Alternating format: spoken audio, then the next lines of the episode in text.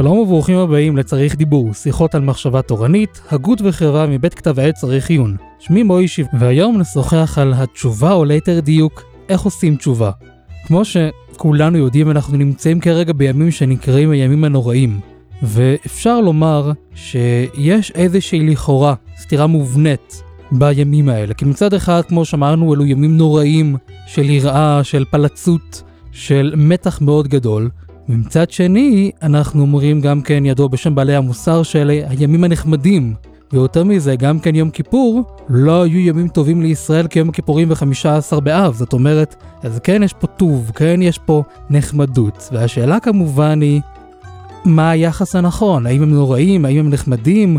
איך מאזנים בין שני הפנים הללו של ימי הרחמים והסליחות? כדי לנסות לענות על על שאלה זו ואחרות אני שמח לארח כאן את הרב ישוע פפר, רב קהילת אור חדש בירושלים, מנהל המחלקה החרדית בקרן תקווה, המקים של כתב עת צריך עיון והעורך הראשי שלו. שלום הרב פפר. שלום אישי, תודה רבה שוב על ההזמנה. בשמחה רבה. אז בואו באמת נתחיל ככה לדבר על הימים הנוראים. הם נוראים, הם נחמדים, מה בדיוק קורה פה? טוב, שאלת השאלות כמובן, אה, מה הגישה שלנו ל... הימים הללו, ומצד אחד, ללא ספק, מדובר בימים של דין. אה, לא בכדי חז"ל מכנים את ראש השנה יום הדין, מדובר בתחילתה של שנה חדשה. וכאשר אנחנו פותחים דף חדש, שנה חדשה, אז מטבע הדברים אנחנו צופים פני עתיד, ואנחנו דואגים מה יהיה באותה שנה הבאה עלינו לטובה. האם היא תהיה גשומה או שלא? האם היא תהיה מלאה בברכה או חלילה שלא. ולכן יש פה בהחלט אלמנט של דין, והדין הזה תובע מאיתנו להסתכל פנימה ולתקן את מעשינו, לפשפש במעשינו, כמו שחז"ל מדגישים. והדבר הזה באמת הוא תביעה, זה תובעני. יש לנו תביעה של לקיחת אחריות, יש לנו תביעה שאנחנו צריכים להסתכל בשורות הדין השונות של חיינו, ולהתבונן האם אנחנו בתוך השורה או מחוץ לשורה. אבל מצד שני, כמו שאתה אומר, אלה ימים של רחמים, ולא היו ימים טובים לישראל כמו יום הכיפורים. ואולי דווקא אני אדגיש את הגמרא, הגמרא אומרת במסכת פרמוציה, הגמרא אומרת שבאמת אה, אמרה שאני חושב שהמילים שלה, המילים שבהן בחרו חז"ל לבטא את הדבר הזה, יש בהם, באנגלית קוראים לזה shock value. יש להם ערך של שוק, ערך ש, של, של זעזוע. הם מזעזעים אותנו. והמילים הם לא חרבה ירושלים, אלא על שהעמידו דבריהם על דין תורה. רבי יוחנן אומר את זה. ואי אפשר לקרוא את המילים הללו ולהישאר אדישים. כאילו, מה, באמת? חרבה ירושלים בגלל שהאמנו את דברינו על דין תורה? האם זה ייתכן? והגמרא באמת שואלת את זה, והגמרא מתרצת ומסבירה.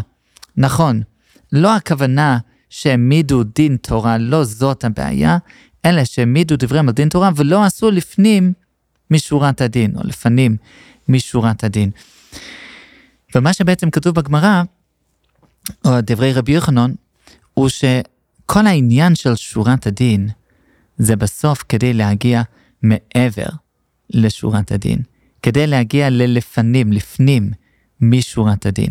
ומה נמצא שם? בלפנים משורת הדין. אז כמו שהרמח"ל אומר, אבל הדברים האלה הם, הם מובנים מאליהם. לפנים משורת הדין יש את הקשר, יש את הקרבה, יש את היחס ביני לבין הזולת, כשאני עושה איתו לפנים משורת הדין, וכך ביני לבין הקדוש ברוך הוא. ולכן רבי יוחנן אומר לנו שכל העניין הזה של הדין, כל העניין הזה של להיצמד לשורת הדין, למצוא איפה אנחנו אה, אה, סוטים, איפה אנחנו עוברים את קו השורה, כל העניין הזה זה בעצם כדי להגיע ללפנים משורת הדין, כדי להגיע לקשר, לאינטימיות, לקרבה עם הקדוש ברוך הוא. ו, ודווקא רבי יוחנן כתב את הדברים האלה במילים כל כך מזעזעות, שלא חרבה ירושלים, אלא על הדבר הזה, כדי שנפנים את זה, כדי שבאמת אנחנו ניקח את זה לתשומת ליבנו, שכל העניין של הדין זה כדי להגיע ללפנים משורת הדין. כל העניין של שמירה על הגבולות זה כדי להגיע מעבר לגבול. ואני חושב שזה נותן לנו מסגור מאוד uh, מדויק בשביל הימים הללו, שמצד אחד יש לנו בהחלט פוקוס, יש לנו התמקדות על העניין של הדין. אנחנו רוצים לחזור בתשובה על החלקים בתוכנו שהם, שהם לא בטוב, שהם צריכים תיקון, ש, שהם לא בתוך הגבולות הראויים. אבל מה המסגור? המסגור הוא קרבה, המסגור הוא אהבה, המסגור זה הקשר האינטימי בינינו לבין הקדוש ברוך הוא, ובעצם הוא לא בא עכשיו להעניש אותנו, הוא לא מחפש אותנו בפינה ולהסתכל כיצד אנחנו נופלים, אלא להפך, הוא רוצה שאנחנו נהיה בתהליך, בתהליך של תיקון, בתהליך של טוב, בתהליך של קרבה, והקדוש ברוך הוא נוכח, נמצא איתנו שם, בתוך התהליך הזה, ובעצם כל המסגור הזה הופך את הנוקשות הזאת של מידת הדין למשהו רך יותר, למשהו תהליכי, למשהו שאומר שהקדוש ברוך הוא רוצה אותנו ורוצה את קרבתנו ומחפש טירה בתחתונים להיות איתנו. ואז יש לנו כן את המשחק, את הבלנס הזה, בין המידת הדין מצד אחד, שבלי מידת הדין אדם לא מתחיל. אנחנו צריכים לקום בבוקר בשעה מסוימת וללכת לישון בשעה סדורה ולחלק את היום לחלקים שונים בצורה של מידת הדין, וכן, יש לנו את החלק שלנו ולחברינו יש חלקים שלהם, ואנחנו צריכים את הפירוד הזה ואת הדין הזה, ובלי זה אנחנו לא מתפקדים, לא מתחילים, וגם במצוות צריכים את הדין. אבל בסוף להבין שלאן הדין הזה לוקח אותנו. הוא לוקח אותנו לרחמים, רחמים מלשון אהבה, רחימו, או מלשון רחם, כן, רחמים, מלשון רבים של המילה רחם. כלומר שהקדוש ברוך הוא כולל אותנו בתוכו. איזה דבר מדהים, איזה דבר יוצא דופן. ולכן הדגש של הדין הוא בתוך הקונטקסט, בתוך המסגרת הזאת של הרחמים, וזה משנה את האופי של הימים הללו, שאנחנו כעת אה, ימים שמתממשים ובאים, תכף אנחנו שם. אלו דברים באמת מאוד יפים, והייתי רוצה אולי שניכנס ככה יותר לעומק לתהליך התשובה. כי באמת כשמסתכלים על זה, וכמו שאנחנו יודעים בדרך כלל תשובה עושים חשבון נפש. וחשבון הנפש, כשאדם, מה שנקרא, מסתכל על עצמו באמת, בלי פילטרים ובלי תירוצים, אני לא חושב שיש מישהו שמסוגל לומר, אני זך וטהור, לא חטאתי מימיי. כולנו חוטאים. ואני מצטער אם אני הורס פה משהו למישהו, כמובן, אני לא מדבר על הצדיקים הטהורים ששומעים אותנו ואומרים שזה לא שייך אליהם, אני מדבר אלינו.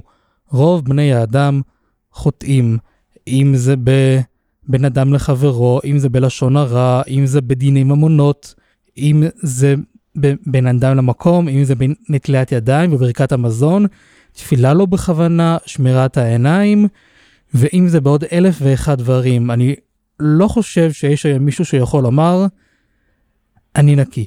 עכשיו, כמובן הדברים הללו לא מגיעים כדי חס וחלילה לקטרג על עם ישראל. אני פשוט חושב, נראה לי, שאני מתאר כאן איזושהי מציאות. ולכן, אם אדם עושה חשבון נפש, הוא מסתכל על כל זה והוא אומר, אנה אני בא? הרי עשיתי את זה לפני שנה ולפני שנתיים ולפני שלוש, וככל הנראה, אם לא יקרה משהו קיצוני, זה גם יימשך הלאה. והשאלה היא, חשבון נפש שכזה, יכול להיות שבמקום לגרום לקרבת אלוקים, הוא יכול לגרום לריחוק. כי אם אלוקים מבקש ממני לעשות חשבון נפש כזה נוקשה וכזה אה, נוראי, יותר מזה, גם הוא לא רק נוראי, הוא גם חסר סיכוי אולי באיזשהו מובן, אז באמת אנה אני בא? איך אפשר להתמודד עם זה? כן, אלה, אלה שאלות uh, חשובות, ואיזה טוב מאוד שאנחנו מדברים עליהן. תראה, קודם כל תיקון קל uh, לדבריך, מוישי ותמחה לי. אמרת שרוב בני האדם הם כנראה חוטאים. אני אתקן אותך ואומר שכל בני האדם חוטאים, ולא כי אני מכיר את כל בני האדם, אלא כי כך אומר הפסוק. כי אין צדיק בארץ אשר יעשה טוב ולא יחטא. אז כל בני האדם חוטאים. ואולי במענה לשאלה שלך, הנוקבת והחשובה, אז אה, תראה, המשנה אומרת, רבי אומר, אה, שוב, יום אחד לפני מיתתך. והגמרא במסכת שבת אומרת, שנייה, איך, איך אדם יודע מתי הוא ימות? אז הגמרא אומרת, הכוונה היא שכל יום האדם יחזור בתשובה, והגמרא מביאה את הפסוק, בכל עת יהיו אה, בגדיך לבנים, שצריכים לשמור על בגדים לבנים. וכך גם הרמב"ם מביא בהלכות תשובה. ואני שואל, אם אנחנו רוצים לשמור על הבגדים לבנים, אז למה צריכים לחזור בתשובה? צריכים לא לעשות חטאים, וככה הבגדים יישארו לבנים. כל כך פשוט לחז"ל, שאדם חוטא בכל יום, שאין דרך לשמר את הבגדים לבנים אם לא חוזרים בתשובה בכל יום. כי החטא כרוך בעקבנו. אנחנו בני אדם, אנחנו לא מלאכים, אנחנו נבראנו עם החסרונות שלנו, עם החולשות שלנו, ולכן החטא כרוך בעקבנו. ולכן אתה אומר, איך אנחנו לא ניכנס לדיכאון ולקושי? התשובה היא להכיר בכך שהעובדה שהחטא כרוך בעקבנו, זה לא באג. זה לא משהו שהוא מחוץ למציאות, איזה אה, בעיה בקוד, בתכנות, שיצאנו פגומים, ולכן אנחנו באיזה בעיה קיומית. לא, אנחנו ככה כי אנחנו בני אדם, ובגלל שהקדוש ברוך הוא מעוניין שאנחנו נהיה כל הזמן בתהליך. אם היינו יכולים להיות מושלמים בגיל 20 או בגיל 80, זה לא משנה. אם היינו יכולים להיות מושלמים, אז באמת היינו חודלים מלהיות בתהליך, בתהליך של התקדמות, בתהליך של לקראת קרבת השם, בתהליך של ללמוד מחדש וליצור את עצמנו, אולי אלה מילים מדי בומבסטיות, אבל להיות בהתקדמות. מילים פשוטות, הכי פשוטות שיש. הקדוש ברוך הוא מעוניין שאנחנו נהיה בהתקדמות. ולכן אנחנו צריכים לקחת את אותם חלקים שלנו שלא מושלמים, וכמובן שיש, והחוסר שלמות הזאת היא רלוונטית לכל צד שלנו, לקחת את אותו היעדר שלמות ולחבק אותו. שוב, אולי זה נשמע כזה אה, נאיבי, כן? לחבק את החסרונות שלנו. אבל במידה מסוימת, כן, לומר שאלה הדברים שמאפשרים לנו להתקדם ולגדול ולצמוח ולהיות בתהליך. חז"ל אומרים בפרק ג' בפרק רבי אליעזר, הקדוש ברוך הוא ברא את העולם, אבל העולם לא התקיים עד שברא את התשובה. כלומר, התשובה היא קודמת לעולם. הגמרא אומרת שהתשובה נבראה בששת מי בראשית. כלומר, זה תהליך שהוא הוא, הוא מובנה לתוך המציאות שלנו, לתוך העולם שלנו. ומצד אחד, ברור שאנחנו אומרים, שנייה, יש פה משהו לא בסדר איתנו, אבל להבין שהלא בסדר הזה, הוא חלק מהרצון השם שנוכל להתקדם, שנוכל להיות בתהליך. ולכן, עמידת הדין הזה, עמידת הדין שבאה ואומרת, אנחנו לא בסדר, היא במובנה, ב- כאילו ב- ב- בהגדרה, חלק מהסיפור של הרחמים, בגלל שהקדוש ברוך הוא רוצה שנתקדם. הוא רוצה שאנחנו נלך ונגדול ונצמוח ונתקרב אליו. וזה כל העניין של, ה, של הדין שזה כרוך בתוך המסגור הזה של הרחמים. באמת זה, זה חלק מהתשובה. ואם זאת הגישה שלנו אה, אה, לתשובה, שהדבר הזה הוא מובנה בתוכנו, חלק מהמציאות שלנו הטובה, הטובה והרצויה והמבורכת, אז זה לא סיבה לדיכאון. זה בהחלט סיבה לתהליך. ואם אנחנו לא בתהליך, אז צריכים לשאול את עצמנו, מדוע לא? אולי כי אנחנו לא חושבים על זה מספיק, אולי באמת כי אנחנו בורחים מהמקום הזה, כי הוא מפחיד אותנו. אנחנו לא רוצים להסתכל שם, אנחנו מעדיפים את הציור המושלם, כאילו לדמיין שאנחנו מושלמים ולחיות בצורה כזאת עם הציור הזה, ואז להדחיק החוצה את אותן חסרונות, ו- ולא לקחת אותם בתהליך.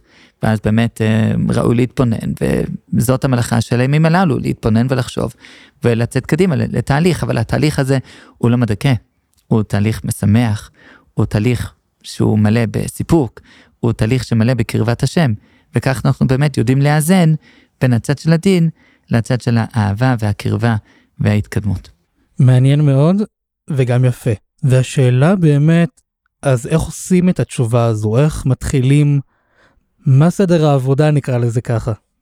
טוב, סדר, סדר העבודה. כן. Um, תראה, אתה יודע, הקדוש ברוך הוא בא לאדם הראשון ואומר לו, אייכה. הוא מחפש את האדם. איפה האדם? ובאמת, מודגש מאוד, בכל ספר בראשית, בכל החטאים, עד אברהם אבינו וגם אחריו, שהחטאים הם כרוכים בחוסר מוכנות להביא את עצמנו. בחוסר מוכנות לקחת אחריות על הסיפור שלנו. אדם הראשון, במקום לומר חטאתי, הוא אומר, האישה, אשר נתת עמדי. זה החטא האולטימטיבי של הגברים ש, שבתוכנו, כן? האישה, אני לא אשם. הנה, האדם הראשון, הוא לא קיבל את האחריות. הוא ניסה לברוח. וכך הלאה. ככה היה עם, עם, אפילו בנוח, למשל. שנוח, במקום לתפוס את ההזדמנות לבנות עולם חדש לאחר המבול, אז הוא דווקא משתכר. כן, הוא נוטע כרם, הוא, הוא מייצר יין והוא משתכר כביכול. בורח. כן, בדיוק. מעשה של בריחה מהמקום הזה של האחריות. עד שבא אברהם אבינו ונוטל את שכר כולם. אבל הצעד הראשון במעשה התשובה זה הצעד להביא את עצמנו. ולפעמים זה גם הצעד הכי קשה. כי אנחנו מתקשים. מתקשים לומר, הננו, אנחנו פה לפני הקדוש ברוך הוא. בלי הבגדים, בלי התחפושת, בלי הסיפור החברתי שאנחנו כל כך אוהבים לספר לעצמנו, שאנחנו חלק מחברה ואנחנו בסך הכל עושים כמו כולם, ובסך הכל גדלנו בצורה מסוימת, ואולי ככה אנחנו, כי יש לנו עניין גנטי, וכל הסיפורים האלה שבסוף הם מונים מעצמנו לקחת אחריות על הסיפור שלנו, באנגלית אומרים to own, to own your life. לקחת בעלות, לקחת אחריות על הסיפור שלנו. והאמרה הזאת, הנני, משם מתחיל התהליך של התשובה.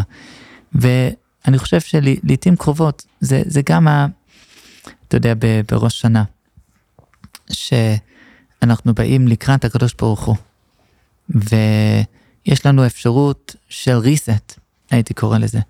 ראש שנה אנחנו, אמ, זה כיול מחדש, איפוס כזה, של הקשר בינינו לבין הקדוש ברוך הוא לשנה החדשה.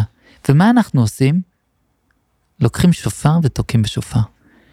פשוט מביאים את עצמנו, את הנשימה שלנו, את הקול הכי עמוק, הכי אלמנטרי שלנו, פשוט קול פשוט, בלי מילים אפילו.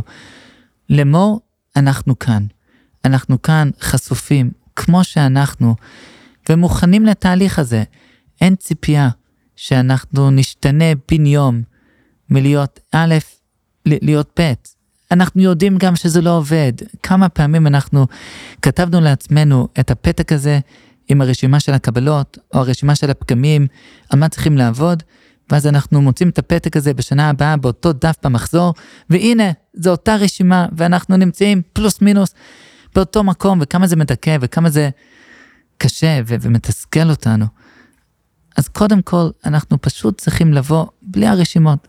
לא, אנחנו פה, הננו, אנחנו כאן, עומדים מול הקדוש ברוך הוא, חשופים כמו שאנחנו, עם הפגמים, עם החולשות, ואנחנו מוכנים ורוצים להיות בהתקדמות. וההתקדמות הזאת היא התקדמות בעיקר של, של וקטור, של רצון, של כיוון, של לאן הסיפור שלנו הולך. אנחנו רוצים להיות בסיפור, בסיפור, בשלב יותר מתקדם, אנחנו רוצים ללכת קדימה. אנחנו יודעים שהתהליך הזה, כמו כל גרף אנושי, יש עליות ויש גם מורדות, יש את, ה, את, ה, את ההתקדמות, את הצעד קדימה, ויש גם את הצעד אחורה. אנחנו מכירים את זה, אנחנו יודעים את זה, אבל אנחנו קודם כל מביאים את עצמנו, אנחנו רוצים לעשות רצונך. וזה מה שאנחנו מצהירים בראש שנה, ומשם מתחילים את התהליך של התשובה. יפה מאוד, באמת שזה מזכיר לי אה, פסקה של הרב קוק באורות התשובה. גדול ונשגב. אה, מוישה, באת מוכן היום. אני כן. כל הכבוד, אוקיי. גדול ונשגב הוא עושר התשובה. האש השורף של צער החטא בעצמו, הוא מזקק את הרצון, מתאר את האופי של האדם בטהרה עליונה ומהירה, עד שהעושר הגדול אשר באוצר החיים של התשובה, הולך ומתפתח לפניו, הולך הוא אדם ומתעלה על ידי התשובה. על ידי מרירותה, על ידי נועמה, על ידי יגונה ועל ידי שמחתה. אין דבר מצרף ומתאר את האדם מעלה ולמעלת אדם באמת כהעמקת התשובה. במקום שבעלי תשובה עומדים, צדיקים גמורים אינם יכולים לעמוד. זאת אומרת, אם אני יכול אה, לומר את הפירוש שלי, עצם הנקודה שאדם מגיע ועומד לפני הקדוש ברוך הוא ואומר, אני מצטער, אני פה, חשוף, רוצה, וממילא גם כן, אם אני רוצה לעשות רצונך, ורצונך הרי הוא לא שיהיו חטאים בעולם, אז ממילא אני מצטער על החטאים האלו, אז אומר הרב קוק, הצער הזה, הצער על החטא, ה... לא יודע אם לקרוא לזה, הוא קורא לזה האיש שורפת, אולי מין איזושהי אי נוחות, איזושהי מין סערה פנימית של אני לא רוצה, זה לא אני, זה לא קשור אליי הדבר הזה, אני, אני לא רוצה לקחת חלק בחטאים האלו. עצם הדבר הזה, הוא אומר, זה דבר גדול ועצום. שוב, כמובן הרעיון הזה חוזר בעוד הרבה וריאציות אצל הרב קוק, ונקודת הרצון שמתבטאת בצער על החטא הוא דבר מדהים ויקר ערך.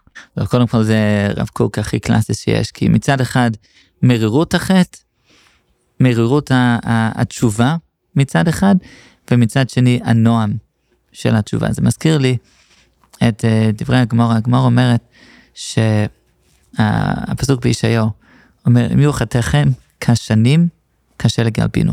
והגמרא שואלת, מה זה שנים? זה יכול להיות כשני, כן, חוט שני, mm. אדום, מלא חטא. אז קשה לגלבינו. למה כשנים?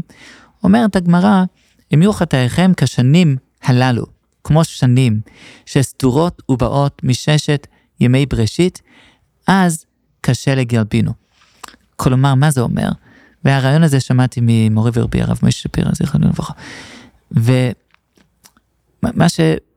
אני, אני אגיד את זה שוב כפי הבנתי, שיש לנו אפשרות במלאכת התשובה, שהחטאים עצמם, הם הופכים להיות חלק מהתהליך של תיקון העולם שטבוע מששת ימי בראשית.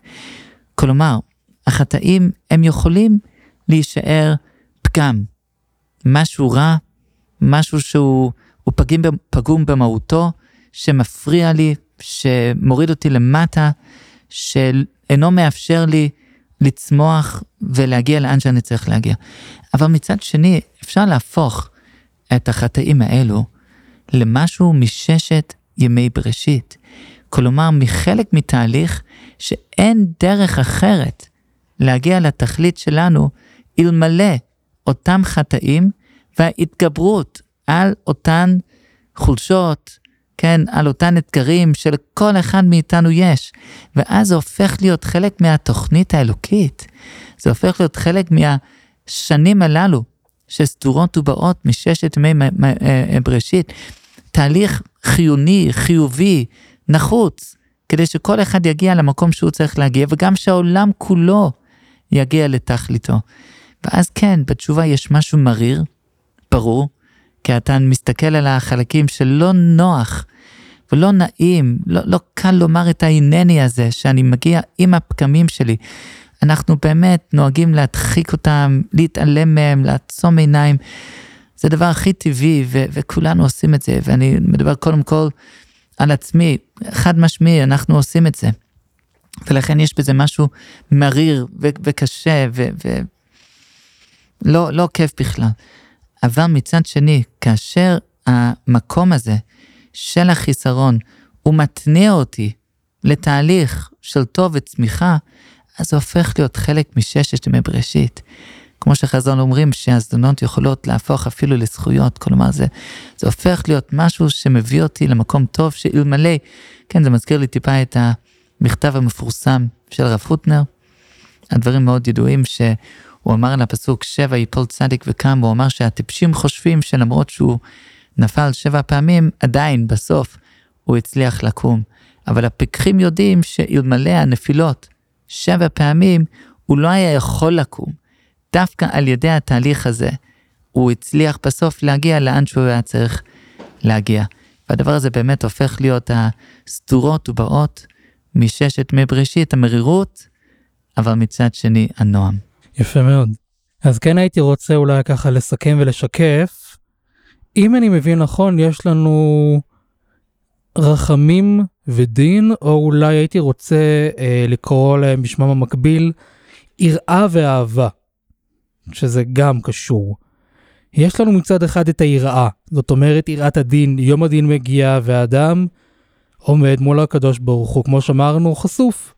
עם כל הטוב שבו ובעיקר עם כל המגרעות שבו. וכשניגשים בצורה כזו של יראה באמת יש, יש פחד מאוד גדול, יש פחד מיום הדין, כי אדם אומר רגע איך אני יכול לבוא לפני הקדוש ברוך הוא מלך מלכי המלכים שציווה אותי לא לחטוא, ואני מגיע, אה, לא בדיוק הצדיק הכי טהור בעיר. ומצד אחד, יש לנו את העניין של הרחמים, של האהבה, שזה נכון, ישראל, אף על פי שחטא ישראל הוא, ובנים אתם להשם אלוקיכם. וכמו שמענו גם כן מקודם, יש פה את העניין של הרצון, ושל עצם צער החטא, זה כבר דבר גדול ודבר מופלא ודבר קדוש.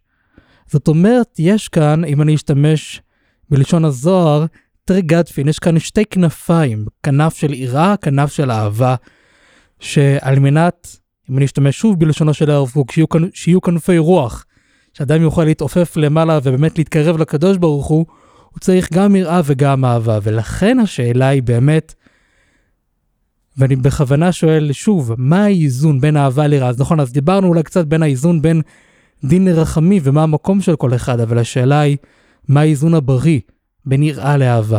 כן, אה, קודם כל איזה דימויים אה, נפלאים, כן, כנפי הרוח, אה, כנף אחד ועוד כנף אחרת. אבל אני רוצה להתמקד דווקא בעוד דימוי שהזכרת, וזה בנים אתם להשם אלוקיכם. מצד אחד, אנחנו נכנסים לאולם המשפט, למקום של דין, כמו שחז"ל באמת מציירים וממשילים. יש לנו את הקטגור ואת הסנגור, ויש לנו את סדרי הדין. אבל מצד שני, מי הוא השופט? השופט הוא האבא בעצמו. אבינו מלכנו. כן, אבינו מלכנו, אבל אני רוצה להדגיש, גם מלכנו, היחס למלכנו, אנחנו לא אומרים אדון ועבד, אלא מלך ונתין. ומה היחס בין הנתין לבין המלך? מצד אחד יש שם יראה ללא ספק, אבל מצד שני יש שם את האמון המלא. אנחנו נותנים אמון במלך, ולמה נותנים בו אמון? כי אנחנו יודעים שמה שהמלך באמת רוצה זה טובת נתיניו, טובת המלכות. כמו האבא, שמה האבא באמת באמת רוצה? טובת הילד, מתוך אהבה, מתוך דאגה, מתוך האמפתיות הזאת בין המלך והאב, כן, האב לבן, והמלך לנתיניו. ולכן, כן, מצד אחד יש פה את מידת הדין, אבל בעל הדין הוא הקדוש ברוך הוא, הוא אבינו, הוא מלכנו. והדבר הזה נותן לנו גם את נקודת האיזון הזאת. כי מצד אחד, ללא ספק, אנחנו חיים במסגרת של דין, ואלמלא הדין אנחנו לא יכולים להתחיל. הקשר שלנו עם הקדוש ברוך הוא מחייב את הדין הזה, בגלל שבלעדיו אנחנו מאבדים מסגרת. אנחנו מאבדים את המקום שבו אנחנו יודעים כיצד לפעול, מה אנחנו צריכים לעשות, כיצד אנחנו אמורים להתנהג. הדברים האלה הם דברים של דין, והייתי אומר, רוב המאמץ שלנו ביום יום הוא מאמץ בתוך מסגרת של דין. אנחנו קמים בבוקר, אנחנו נוטלים ידיים.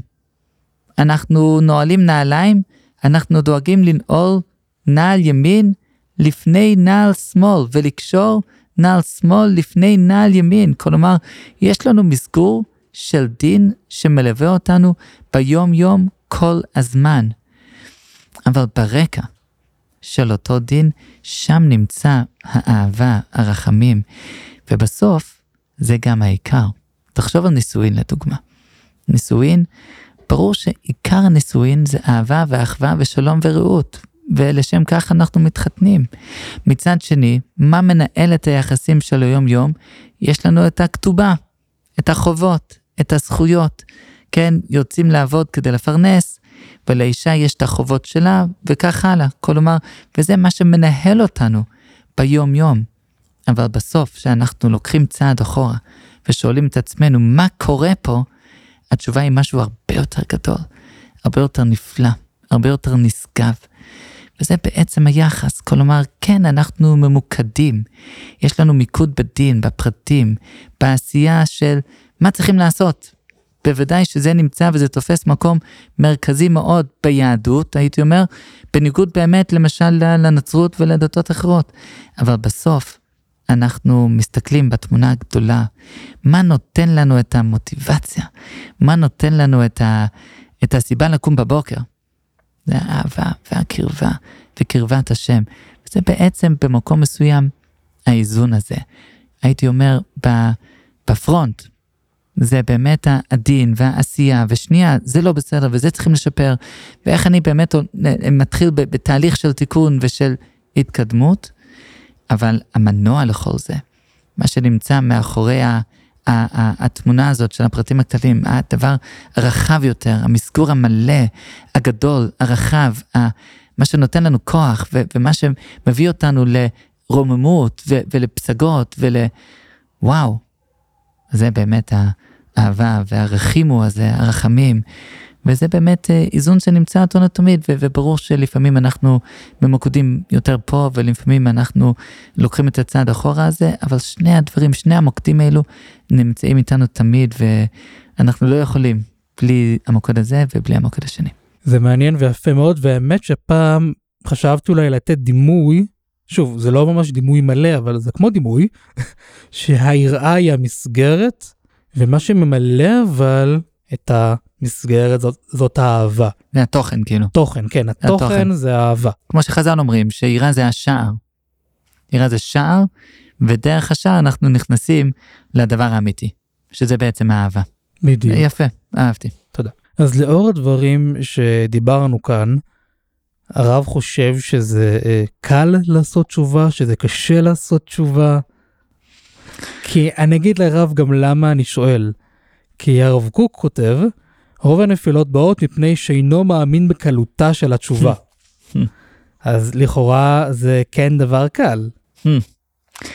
מעניין, מצד אחד זה דבר קל אתה אומר, מצד שני מי, שמסת, מי שמעיין בספר uh, שערי תשובה, אפילו ברמב"ם בהלכות תשובה, יראה שמדובר בתהליכים שאינם קלים, אבל אני חושב שאפשר להבין את uh, כוונת הרב קוק בעניין הזה, uh, שוב, בלי לעיין בפנים. הרי התורה אומרת, כי קרוב אליך הדבר מאוד, בפיך ובלבבך לעשותו, ולפי הרמב"ן מדובר ב, אה, בתשובה, במצוות התשובה. כלומר, נאמר שזה אמור להיות קרוב. האם קרוב זה בהכרח קל? אני לא יודע אם זה קל, אבל זה קרוב במובן הזה שזה נמצא בתוכנו. יש לנו את הטהרה הזאת, את הקשר הזה, את היושר הזה שאלוקים יצר את האדם ישר, ויש לנו חשבונות רבים, אבל יש לנו בפנים את היושר. זה גם יושר, ואם גם מדברים על הפסוק הזה, הרי בעל התניא הרי חיבר את כל ספר התניא לפסוק הזה, אז אני חושב שאפשר לומר שזה הנפש האלוקית, החלק אלוקה ממעל ממש. זה גם כן, שזה טבוע בנו.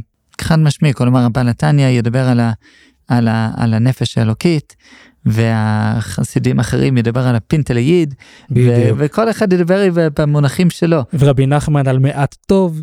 כן, בדיוק, כל אחד במונחים שלו. אבל הפסוק אומר שהאלוקים יצר את אדם ישר, והרמב"ם בוודאי מבין שהכוונה היא לאנשים כמונו. לא לאיזה אדם הראשון ולאחר מכן זה יתקלקל, כי הרמב"ם מביא את הפסוק הזה גם על עצמנו בסוף הלכות אה, שמיטה ויובל. כלומר, אנחנו, יש לנו בתוכנו את היושר הזה. עכשיו, אנחנו כל הזמן צריכים לבחון את עצמנו כיצד אנחנו חיים, או באיזה מקום אנחנו נמצאים מול היושר הזה, ולמה זה קל ולמה זה קשה. אז מצד אחד, כמו שהרב קוק מזכיר, יש בזה משהו קל. אנחנו יודעים לזהות את הצדדים היותר שליליים שלנו. אנחנו יכולים לראות איפה אנחנו פחות בהתאם ליושר הפנימי הטבוע בקרבנו. ומצד שני זה קשה בגלל שזה לוקח הרבה חוכמה, הרבה התבוננות לעמוד על הנקודה. איפה נמצאת בקרבנו נקודת השינוי, נקודת הכובד הזאת, ששם אני מרגיש, הנה, אם אני יכול לעבור איזשהו תהליך בנוגע למשהו, זה יכול להיות בנוגע לנתינה, זה יכול להיות בנוגע לקבלה, זה יכול להיות בנוגע ל, לאגואיסטיות מסוימת, שאני אמ, מדי אמ, חושב או מדי אה, שקוע אה, בעצמי. אה, זה יכול להיות נקודות שונות של האישיות שלי. ולא קל לעמוד על אותן נקודות. אני יכול לעמוד על סימפטומים, ואז לפעמים אני הולך למלחמה נגד הסימפטומים האלו. אבל בסוף זה כאילו מלחמה נגד עצמי, ומישהו מהשניים הולך להפסיד, וזה לא יהיה טוב. אמ, ולכן לפעמים במקום המלחמה הזאת, שהיא לא תמיד אפקטיבית, היא פשוט, היא, היא מאוד כואבת והיא קשה, אה, ויש אבדות, וזה, וזה סיפור, אה, סיפור מורכב. אמ, דווקא צריכים לזהות את נקודת המפתח. איפה הנקודה הזאת של הסטייה מדרך היושר? אה, היכן זה נמצא? מה כן. למשל, אם ננסה להוריד את זה ככה, אולי גם לאיזה טיפ מעשי? כן, טיפים מעשיים, תראה, ברור שכל אחד יש לו את האתגרים שלו ואת הנקודות שלו.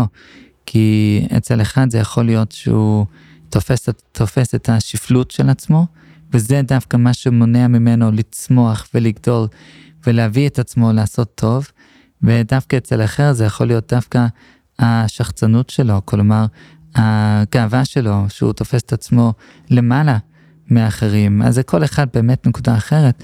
ובתור דוגמה אחת, אני אזכיר את הנושא של הקשרים שלנו עם אחרים. עם הזולת.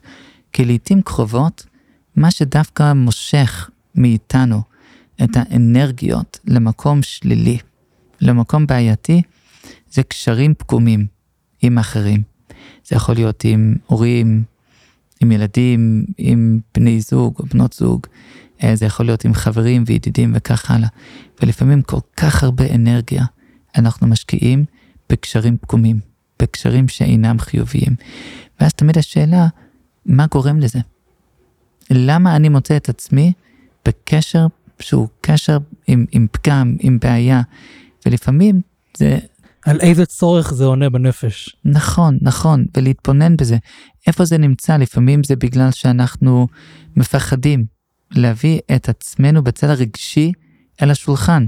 אנחנו פוחדים להיות חשופים אנחנו פוחדים להיות פגיעים, וצריכים אומץ כדי להתגבר על זה. זה לא פשוט. זה לפעמים כי אנחנו לא נותנים לזולת מספיק מקום אצלנו. אנחנו רואים את עצמנו, ואנחנו רואים איך הזולת אמור להיות, אבל אנחנו לא מוכנים לראות את הזולת איך שהוא באמת, ולקיים את הקשר איתו, קשר אמיתי עם מה שהוא היום, ולא ממה שאנחנו היינו מדמיינים או רוצים שהוא או היא יהיה או תהיה. כלומר, למצוא את הנקודה של אותו פגם, של אותו בעייתיות בקשר, לפעמים זה יכול להיות דבר נפלא, באמת נפלא, משנה חיים בכל כך הרבה מובנים. אז אני לא יודע אם זה טיפ, אבל זה ודאי דבר שהוא חשוב להרבה אנשים. מעניין. אגב, בהקשר הזה כן הייתי רוצה לומר, העניין הזה שאדם מסתכל על חברו, או אני חושב שזה יותר אולי אצל הורים וילדים, שההורים מצפים שהילד יהיה משהו מסוים, והילד גדל ומגלים שהוא משהו קצת אחר. והשאלה היא באמת, ובוא, ופה אני כן אשתמש בביטוי של הבעל שם טוב, שהוא אומר, הביטוי נקרא שמץ מינהו, זאת אומרת, אדם מסתכל על חברו והוא רואה בו שמץ מינהו. יש בחבר הזה הוא איזושהי מראה, הוא משקף לי משהו שקיים בי, ולכן אולי העבודה הפנימית ספציפית אצל ההורים תהיה, רגע, למה אנחנו מצפים מהילד לדבר הזה? יכול להיות שזה משהו שאנחנו לא מסוגלים, לא יכולים, איפה הדבר הזה פוגש אותנו? למה זה כל כך מטריד אותנו? נכון, מישהי נהדר. קודם כל, אה, שאפו על להכניס פה את החסידות אה, כל מקום שאפשר, שזה נהדר, אני, אני בעד. משימת חיי. אה, נותן קצת, כן, לאזן, אנחנו מדברים על איזונים, אז מאזן לנו זה חשוב. וכן, ללא ספק, תראה, שאנחנו, כל קשר שאנחנו מקיימים, יכול בהחלט להיות גם שיקוף על עצמי, ו... דווקא במקום הזה שהקשר הוא קצת צורם, איפה שהקשר הוא לא חלק, אז, אז, אז מה, מה זה אומר על עצמי? אנחנו כל כך מהר משליכים את זה דווקא על השני. שוב, אני מדבר לגמרי אל עצמי כעת, אנחנו כל כך בקלות אומרים, כן, יש לו בעיה, זה אצלו או אצלה, יש פה איזה נושא וזה מפריע לקשר. אבל נכון, יכול מאוד להיות שיש גם לזולת מה לעבוד. אבל קודם כל, איך זה משקף על עצמי, מה זה אומר על המקום שלי בקשר הזה. ואגב, מיד שאני יכול לזהות משהו בקשר שלי עם הזולת, אז זה גם יכול להיות מפתח עמוק ונפלא לקשר שלי מול הקדוש ברוך הוא. כי בסך הכל הקדוש ברוך הוא מצפה שאנחנו נקיים איתו קשר, ואהבת לרעך כמוך זה כלל גדול בתורה. מדוע?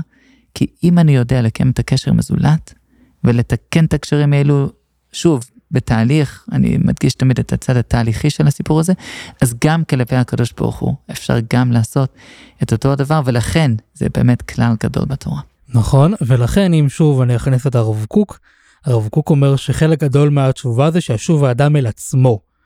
במילים אחרות, שאדם יעשה שלום בתוכו, שנפשו תהיה יותר שלווה, יותר שלמה, ומשם הוא יוכל להתקדם לתשובה שגם תשליך על שאר האספקטים בחייו. הייתי רוצה אולי גם כן אה, לסיים, אם אני יכול לומר גם כן אה, שני טיפים. אז קודם כל באמת מכיוון שאנחנו מדברים פה על עניין של אה, קרבת אלוקים, אז יש כאן באמת שתי נקודות. קודם כל הנקודה היא, כמו שהרב אמר מקודם, העניין של הנני, להתייצב. והשאלה היא, איך אפשר להתייצב באמת? כי יותר מזה, אולי גם כן, ואני אחזור אולי גם כן למה שפתחנו, אם אווירת הימים הנוראים היא נוראה, ויש מין חשבון נפש כזה שהוא מדכא ומייאש, ואיך אני יכול להתמודד, והוא מאוד אולי אפילו מרחיק מהקדוש ברוך הוא, אז אני חושב שאנחנו כן זקוקים כאן לאיזשהו תיקון מסוים, והתיקון הזה יכול להיות בחשבון נפש, אבל לא בחשבון נפש מדכא, אלא בחשבון נפש מדליק. ואני מתכוון לחשבון נפש כזה שאדם יאמר לעצמו, אוקיי, מה הדברים שמדליקים אותי בעבודת השם? אם זה יכול להיות שזה ניגונים מסוימים, יכול להיות שזה דברי תורה מסוימים, יכול להיות שזה אולי מנהגים, יכול להיות, או אלף ואחד דברים יכולים להיות, שדווקא שכן מדליקים את האדם וכן מקרבים אותו. אז לכן יש אדם כן כדאי אולי שיתבונן בעצמו ויאמר אוקיי, מה משמח אותי, מה מדליק אותי, וממילא גם כן מה מקרב אותי. וככה האדם יראה שגם עבודת השם היא לא רק מיישת ומרחיקה, אלא גם כן היא גם יכולה גם כן לשמח אותו, וממילא גם כן לקרב אותו. זה דבר ראשון, שזה אולי קצת יותר קשור לראש השנה, שזה עניין של זיכרונות וכולי. ודבר שני, שאולי יותר קשור ליום כיפור, דיברנו על עניין הרצון. והרצון, אני חושב שצריך מאוד מאוד מאוד לחדד אותו, זאת אומרת, לומר, אני חושב שפשוט אדם צריך, צריך לומר לעצמו כך. ונאמר זאת בשפה הכי פשוטה שיש. אתה ריבונו של עולם, אתה בראת אותי, מוישי, עם היתרונות הללו ועם החסרונות הללו, עם הפגמים האלה בנפש ועם היתרונות האלה בנפש. וכמו שאנחנו אומרים בתפילות, אמת כי אתה הוא יוצרם ואתה יודע יצרם גיהם בשר ודם. יש לנו יצר טוב, יש לנו יצר רע, נפש אלוקית, נפש בעמית, ומכיוון שכך, אתה זה שבראת אותנו, אז אתה יודע, אתה יודע מה עובר עלינו, אתה יודע את ההתמודדות הזאת, ואתה יודע שזה לא קל לנו. ועם זאת, שזה לא קל לנו, בסופו של יום אנחנו רוצים, ואני קרבת אלוקים לי טוב, אני רוצה את הקשר איתך הקדוש ברוך הוא, ולכן כל הדברים הללו שהזכרתי אולי מקודם בחשבון הנפש הלא טוב, הם לא טובים אבל כי זה שלי וזה לא שלי, זה אני וזה לא אני. זה אני, אני עשיתי, אבל זה לא אני, כי זה לא קשור אליי, אני לא רוצה את זה. אני רוצה את קרבתך, אני רוצה להיות עובד השם, אני רוצה לקיים את מצוותיך ולשמור את תורתך במאה אחוז, אבל יש לי יצר הרע, זה לא קל לי, זה לא באמת קשור אליי. זאת אומרת, אני רוצה להיות טוב, אבל יש את הדברים האלו שמפריעים, ולכן אני חושב שכן מאוד חשוב לחדד פה את נקודת הרצון הזו, הזו שכן אדם ינסה לברר בעצמו את נקודת הרצון. את. הרצוננו לעשות רצונך. בדיוק, את החיבור הזה. זה מה שמתגלה ביום הכיפורים. בדיוק. כן. אולי אני גם uh, אקפוץ ואדגיש מילה אחת מתוך דבריך. לא רק לעשות חשבון של החסכונות והפגמים ודברים שצריכים לתקן, אלא גם להדגיש ולעשות חשבון של היתרונות, של הדברים הטובים. אנחנו כל כך עסוקים במה שלא בסדר, שאנחנו שוכחים למנות את מה שכן בסדר, את מה שטוב, ולפעמים דווקא התשובה האפקטיבית ביותר זה לא להילחם עם מה שלא הולך, אלא דווקא לקדם ולהרבות את הטוב שכן הולך. כשאנחנו מוצאים בתוכנו את מה שבאמת טוב, אז אנחנו יכולים להפוך את זה לאור כזה, אור גדול שיכול להאיר גם את הפינות היותר חשוכות בתוכנו. ולכן המיקוד ברע, המיקוד במה שלא הולך, המיקוד בפגם ובחיסרון, לפעמים יכול להיות גם לעוכרינו. צריכים לפעמים, לפעמים, שוב, אני לא אומר את זה בצורה בלעדית, זה לא איזה טיפ בלעדי וזהו. אבל כן, המיקוד בטוב יכול דווקא להביא אותנו לתהליך, שהתהליך הזה בסוף יכלול גם את האלמנטים הפחות רצויים, ושם אותם בתוך המסגרת של הטוב הזה שהולך וגובר אצלנו. יפה, כי מעט מן האור דוחה הרבה מן החושך. אכן. יפה. תודה רבה הרב פפר על השיחה המעניינת והמרתקת הזו, ושנזכה, בעזרת השם, להתחיל לפחות את התהליך הזה של תשובה או של התקרבות, שהשם יעזור בעזרת השם. תודה מוישי, אמן ואמן, ושתהיה לכולנו באמת uh, כתיבה וחתימה טובה. אמן. תודה רבה גם כן לרב על הליווי, העזרה וההכוונה. וזאת הזדמנות כמובן להודות גם כן לרב מיכאל נחטיילר, לאליהו לוי וליוסי גרין על הליווי, העזרה וההכוונה שלהם. ואחרונים חביבים, תודה רבה לכם המאזינים. נשמח כמובן לשמוע מה חשבתם על הפרק הזה ואתם מוזמנים להמשיך ולהאזין לנו כמו גם לפרקים הקודמים בפלטפורמת הפודקאסטים האהובה עליכם. אני מוישי וניפגש בעזרת השם בפרקים הבאים.